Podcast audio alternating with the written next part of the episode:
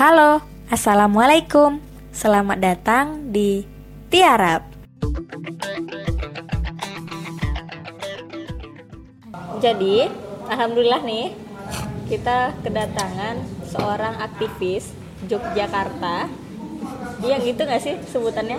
Ya, lanjutlah. Nanti kan aku yang bantah. Oh, kau yang bantah. Oke, itu udah kedengeran tuh suara aktivis Yogyakarta yang mau dibantah. Ah. Yang gimana? Nah, kita kedatangan aktivis nah sekarang kan lagi sibuk-sibuknya nih. Bukan lagi sibuk sih, emang harus disibukkan ya. Dengan eh, apa gerakan bawah tanah.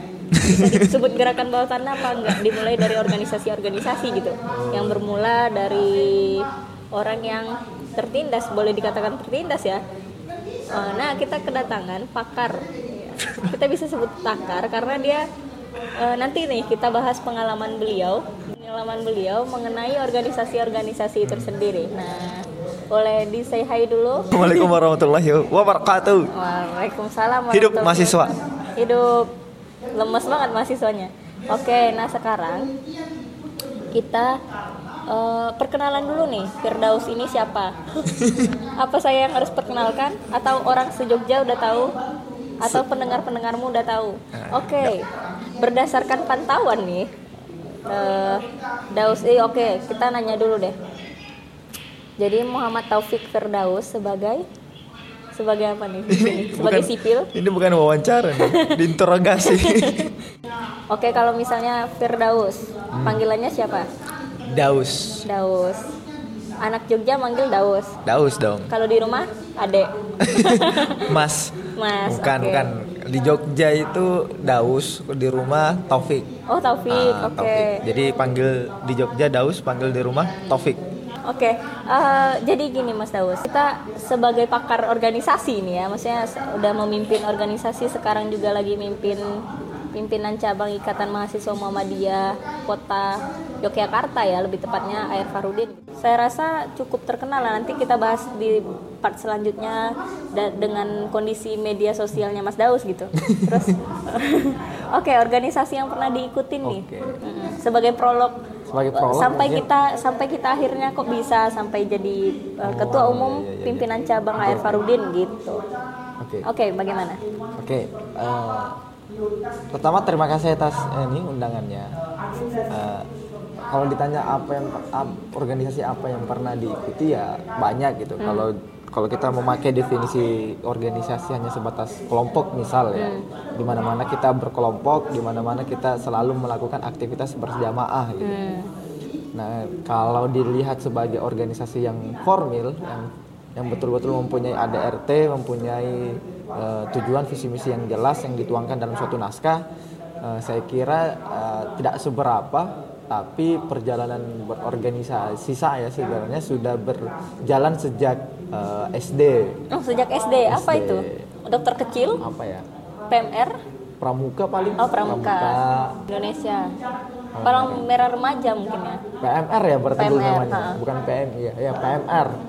Terus eh, ya kalau SD itu, kalau terus ber- beranjak menjadi SMP apa di SMP, SMA, kebetulan mondok 6 tahun terjebak di sana, Terjebak. terjebak dong. Kalau nggak terjebak ya bisa pindah kapan saja. Hmm. Oh, berarti pondoknya nggak boleh pindah. Nggak boleh Oh, nggak boleh pindah. memaksa untuk harus di sana Oh iya, sebelumnya asli Mas Daud dari mana? As- Makassar. Oke, saya potong Sulawesi lanjut. Selatan eh, Tepatnya tepatnya di, kota eh, yang dijuluki sebagai kota yang kering yaitu Kecamatan Sudiang. Su Sudiang. Sudiang. Oke, lanjut lagi tadi. Nah, habis itu eh, selain di pondok eh di pondok berorganisasi eh, karena backgroundnya kebetulan pondoknya background Muhammadiyah dan kemudian saya juga backgroundnya Muhammadiyah maka saya cinta Muhammadiyah gitu. Mm-mm. PM hingga dalam tataran yang sang apa yang lebih tinggi di sana ke- menjadi ketua ranting bersama dengan teman saya Fauzan Ahyar. Fauzan Akhir sebagai apa? Nah, waktu itu dia menjadi apa ya anggota biasa Pak. Oh, anggota biasa. Iya anggota biasa. Anda ketuanya. Ya saya ketuanya. Cukup Sombong. sombong kan saya. Cukup sombong. Oke. Terus habis itu Habis itu hijrah bukan hijrah sih hijrah kayak tanda Islamis banget tapi uh, menempuh studi kembali di Jogja di UMY Fakultas Hukum kemudian menemukan kembali lagi suatu kelompok ataupun suatu organisasi uh, dengan background Muhammadiyah juga tapi uh, yang sekarang ini adalah dalam tataran mahasiswa yaitu Ikatan Mahasiswa Muhammadiyah. Oke, bisa dibilang Mas Daus ini adalah kader militan Muhammadiyah? Oh, enggak juga punya kartu tanda anggota? nah, kalau telah punya kartu anggota saya nggak punya uh. dari kartu IPM, kartu IMM, KTM Muhammadiyah. Hmm. Cuman saya bangga kalau saya punya kartu PKU Muhammadiyah. Oh. Nah, tadi kan dari tadi tuh kita bahas tentang bagaimana ortom ya, Mas. Ya. Bisa dikatakan sebagai ortom ya di, di, di, di apa ya? Muhammadiyah kan berarti Mas Daus mengenal organisasi dari ortom terutama gitu. Nah, akhirnya uh, sebenarnya kan di mahasiswa itu sendiri banyak tuh organisasi-organisasi yang hmm bisa diikutin oleh mahasiswa. Ya. Itu ada yang biasanya disebut eksternal, internal. Nah, itu bedanya apa? Oh, Oke, okay, okay. pertama gini. Mm-hmm. Kalau saya sendiri secara pribadi tidak membedakan antara mm-hmm. organisasi internal ataupun eksternal, mm-hmm. tapi karena persoalan memilih masuk organisasi kan memilih cocok-cocokan gitu. Oh, karena uh, maksudnya karena uh, kita batasi dulu nih, ah. karena kita dari Universitas Muhammadiyah berarti internal apa, eksternal apa gitu. Kalau misalnya kita di negeri mungkin bagaimana juga gitu. Kalau ya kalau dalam swasta Muhammadiyah PTM misalnya eh, disebut jelas bahwa internal ya organisasi yang disebut eh, IMM, BEM, eh, DPM dan komunitas-komunitas yang legal di fakultas. Mm -hmm. Nah, kalaupun di luar dari itu maka dia disebut sebagai eksternal mm -hmm. gitu. Misal teman-teman AMI, teman-teman mm -hmm. FMN, eh, teman-teman uh, sekber mm-hmm. ataupun teman-teman yang lainnya teman-teman shopping gitu. Mm-hmm. teman batasan uh, antara internal dan eksternal mungkin hanya sebatas administrasi aja sebenarnya. Administrasi. Administrasi. Karena kita berasal dari nah beda perkara ya sama negeri gitu. Mungkin kita, uh, eh, ikatan mahasiswa Muhammadiyah bisa dibilang eksternal di negeri betul gitu. betul betul jadi tergantung, tergantung situasi dan tergantung tempatnya situasi gitu. dan kondisi.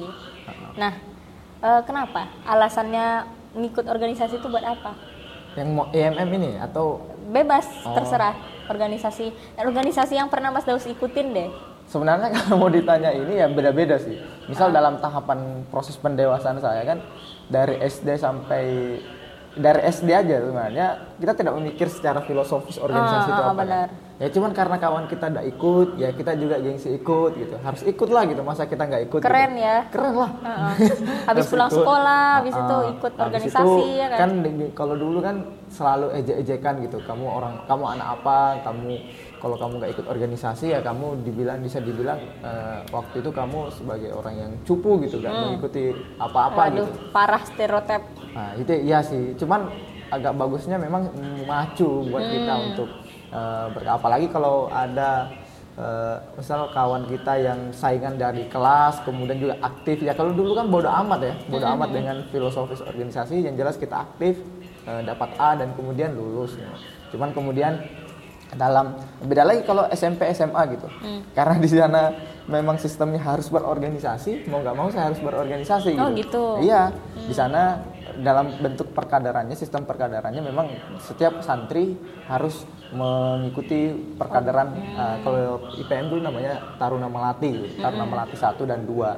Nah itu kan diwajibkan karena regenerasi karena prinsip pondok di sana itu uh, setiap masa ada orangnya dan setiap orang ada masanya gitu. Mm-hmm. Maka dituntut selalu setiap waktu akan terus ada regenerasi. Maka mm-hmm. siapa yang harus masuk di sana maka mau nggak mau dia harus menjadi kader Muhammadiyah digemblang harus eh, apa dikasih makan tentang Muhammadiyah, diberi diberi pengetahuan ideologis tentang Muhammadiyah gitu. Mm-hmm. Tapi pada waktu itu ya saya masih belum eh, terlalu memikirkan fungsi organisasi ataupun secara radikal gitu.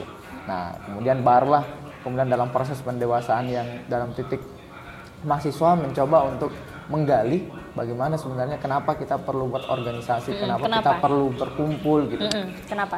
Pertama, uh, faktor internal dari manusia itu sendiri bahwa dia adalah makhluk sosial. Mm. Nah, makhluk sosial ini dalam artian bahwa dia selalu melakukan aktivitas apa pun itu pasti selalu diminta bantuan dari orang lain gitu. Mm. Apa pun itu tidak ter, tidak terlepas uh, dari persoalan kebutuhan primer ataupun sekunder gitu.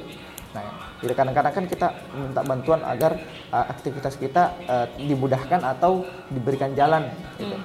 Nah, itu yang pertama. Sebagai uh, suatu fitrah, lah, fitrah dari Sebagai manusia. fitrah sebagai makhluk sosial. Ya, makhluk sosial gitu. Kalau kata Aristo kan uh, zoon politikon gitu. Mm-mm. Nah, kalau kemudian salah faktor eksternalnya mungkin gini. Orang berpandangan bahwa e, berorganisasi akan lebih mudah ketika ada suatu kepentingan bersama ataupun satu cita-cita gitu. Gitu. Misal ketika kita mau main ke pantai Ya, misal. oke. Main ke pantai gitu. Kita mau akan ada eh, camp dan segala macam gitu.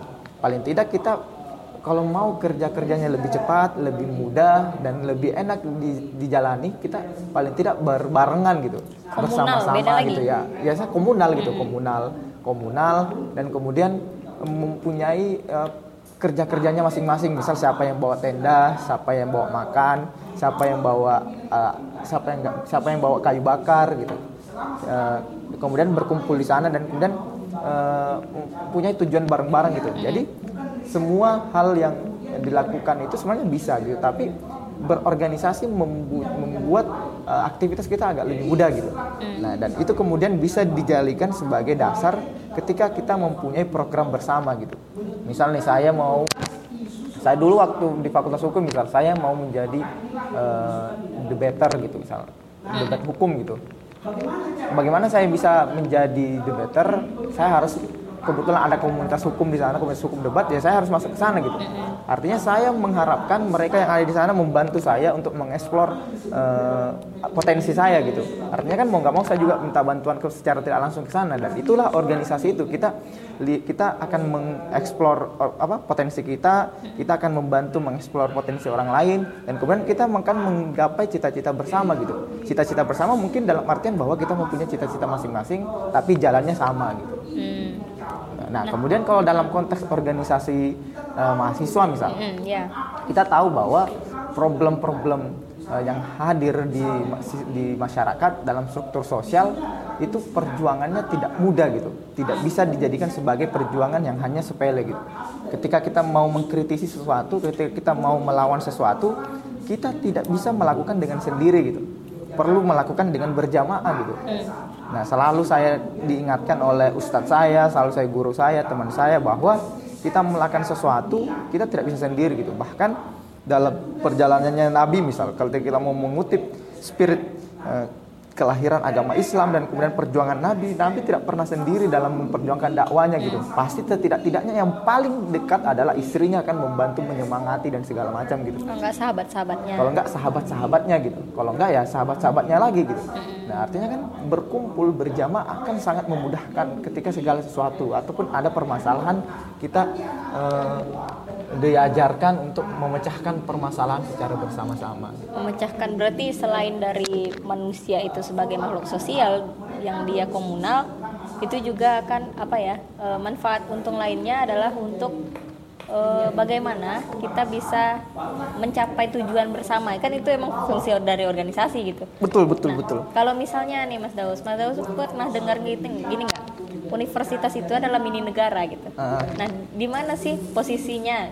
Eh tadi oh ya sebelum itu tadi Mas Daus pernah bilang eh ada bilang kalau misalnya organisasi itu eh, ada beberapa eh, organisasi IMM, misalnya nih kalau di Universitas Muhammadiyah gitu ya, Ya. Universitas eh, Ortom em, ada yang namanya IMM, BEM, DPM dan lain-lain. Mm-mm. Nah, bedanya Bedanya. Heeh, maksudnya bedanya antara BEM dan IMM apa gitu. Dan dan berujung pada pertanyaan gini sebenarnya apa sih bedanya organisasi pergerakan dengan organisasi selain pergerakan gitu? Kenapa dia bisa dibilang pergerakan gitu? Karena kan IM- IMM itu kan selain ortom jadi juga disebut dengan eh, setahu saya ya mas disebut dengan organisasi pergerakan gitu. Nah Perkaderan. bedanya oh perkaderan juga. Pergerakan perkaderan. Perkad- oh, pergerakan perkaderan. Oke. Nah gimana tuh? Oke. Nah, pertama saya jelaskan gini. Bahwa kita melihat kampus memang sebatas eh, miniatur negara. Karena kita bisa mengacu sistem politiknya agak mirip dengan kemudian bisa a- apa ada di suatu sistem demokrasi yang diciptakan yang kemudian itu mirip dengan sistem demokrasi di negara gitu. Dalam suatu dalam satu dalam suatu tatanan demokrasi misal kita bisa memilih siapa perwakilan kita, kita memilih siapa uh, sistem apa siapa pemimpin kita di fakultas gitu siapa pemimpin kita di uh, di universitas. Nah kemudian sistem-sistem itu yang membentuk adanya uh, sistem politik di kampus gitu. Misal ada gubernur misal ada di uh, univers tataran universitas ada presiden dan segala macam. Cuman akar akarnya kan sebenarnya hampir sama dengan bagaimana kelahiran kelahiran dari gerakan-gerakan mahasiswa lainnya. Misal di waktu itu uh, terbentur dengan sistem ataupun rezim-rezim yang tidak menginginkan adanya kritikan dari mahasiswa. Bahkan dulu BEM-BEM itu pernah dibukukan gitu.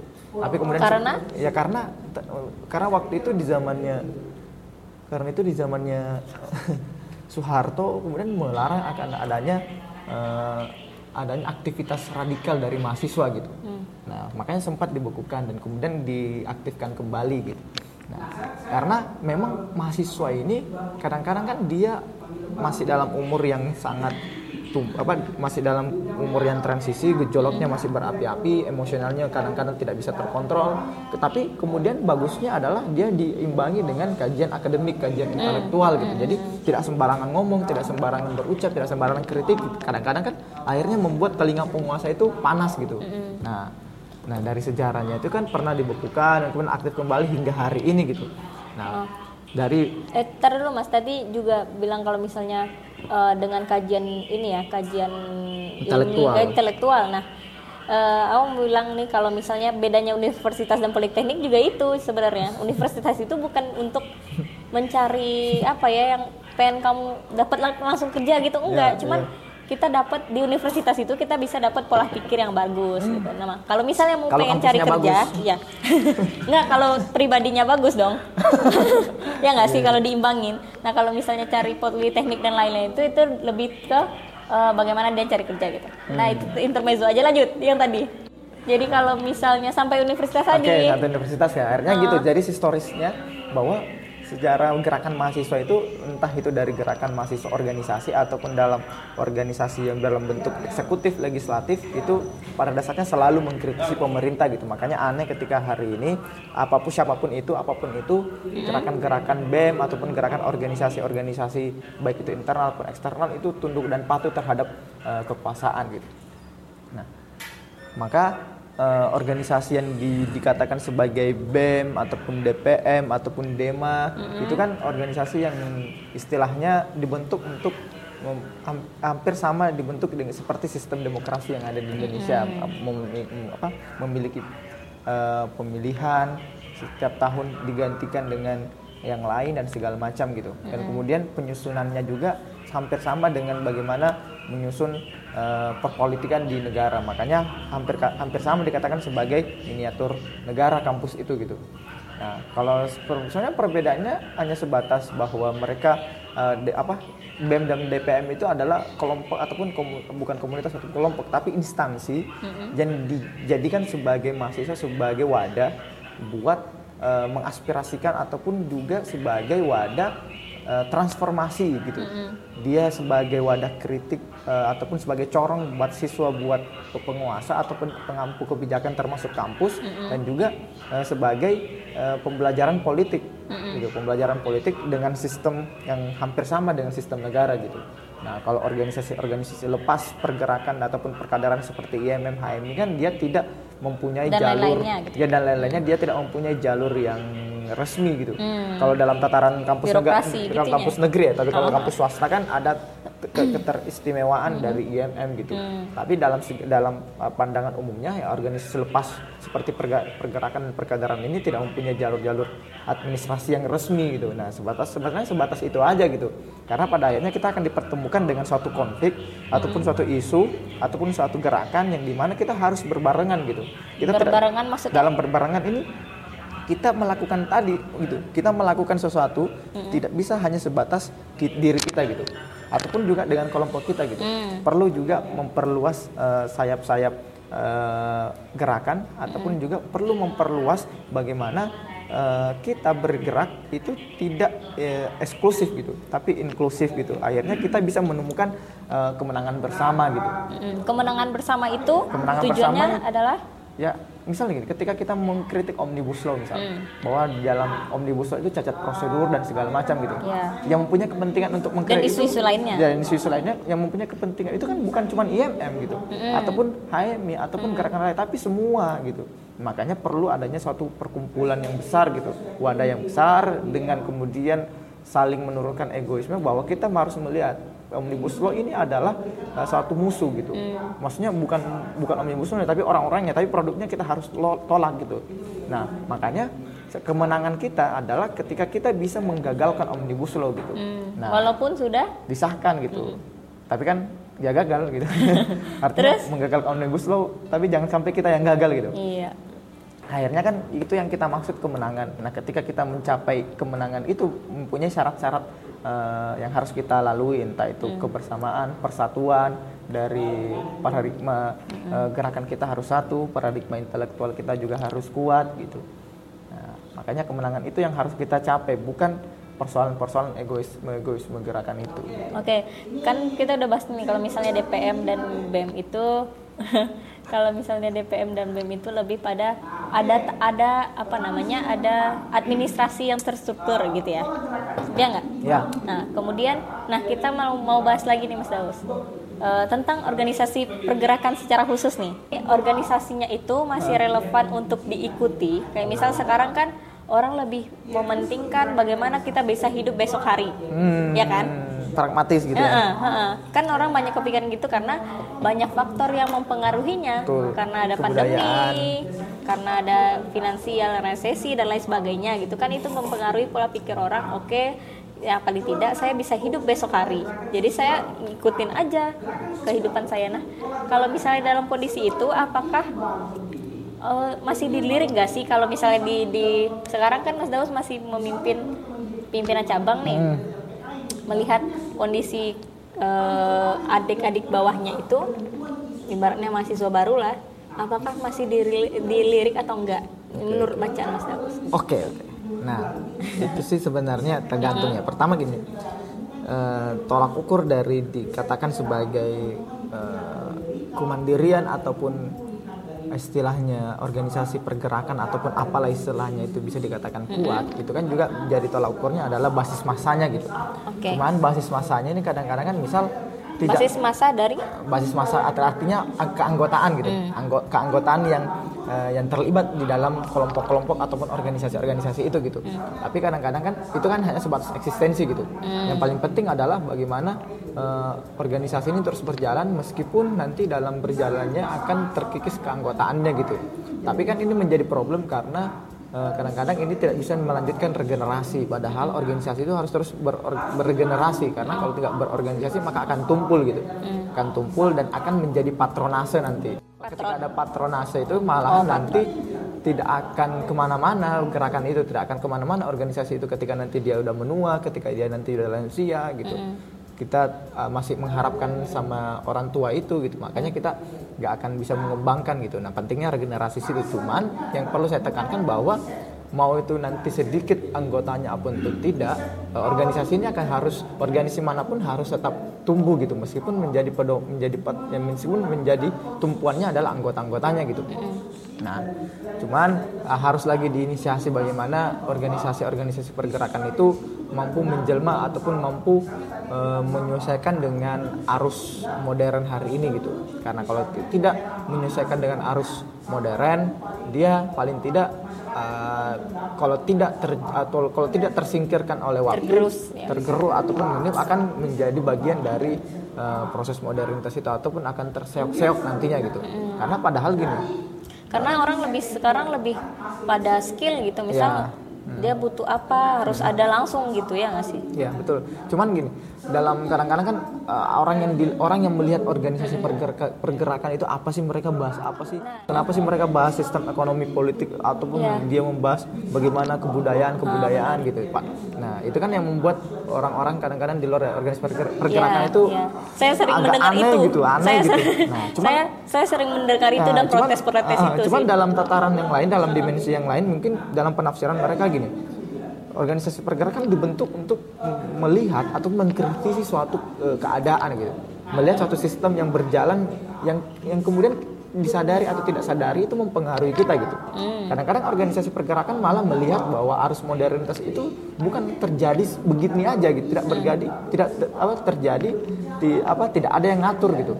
Padahal dalam suatu proses kebudayaan atau proses teknologi berkembang akan ada suatu uh, pemain-pemain yang mengatur dan kemudian uh, dalam sistem yang lebih luas akan ada potensi-potensi ataupun ada akan ada uh, keuntungan-keuntungan yang diraih dan diraih ataupun diambil oleh oknum-oknum tersebut gitu. Nah, uh, kadang-kadang kan organisasi pergerakan ini membahas yang kayak gitu-gitu, padahal itu bagus gitu.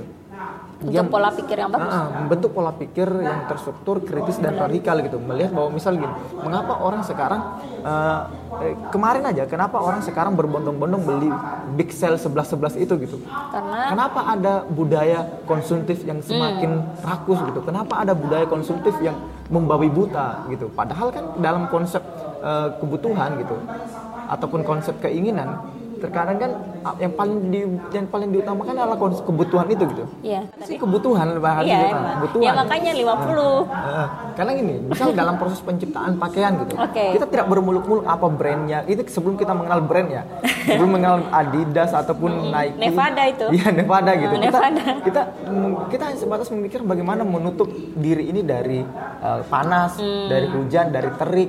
Bagaimana juga uh, apa melindungi tubuh kita, bagian-bagian vital kita gitu, biar tidak rusak ataupun dan segala macam gitu.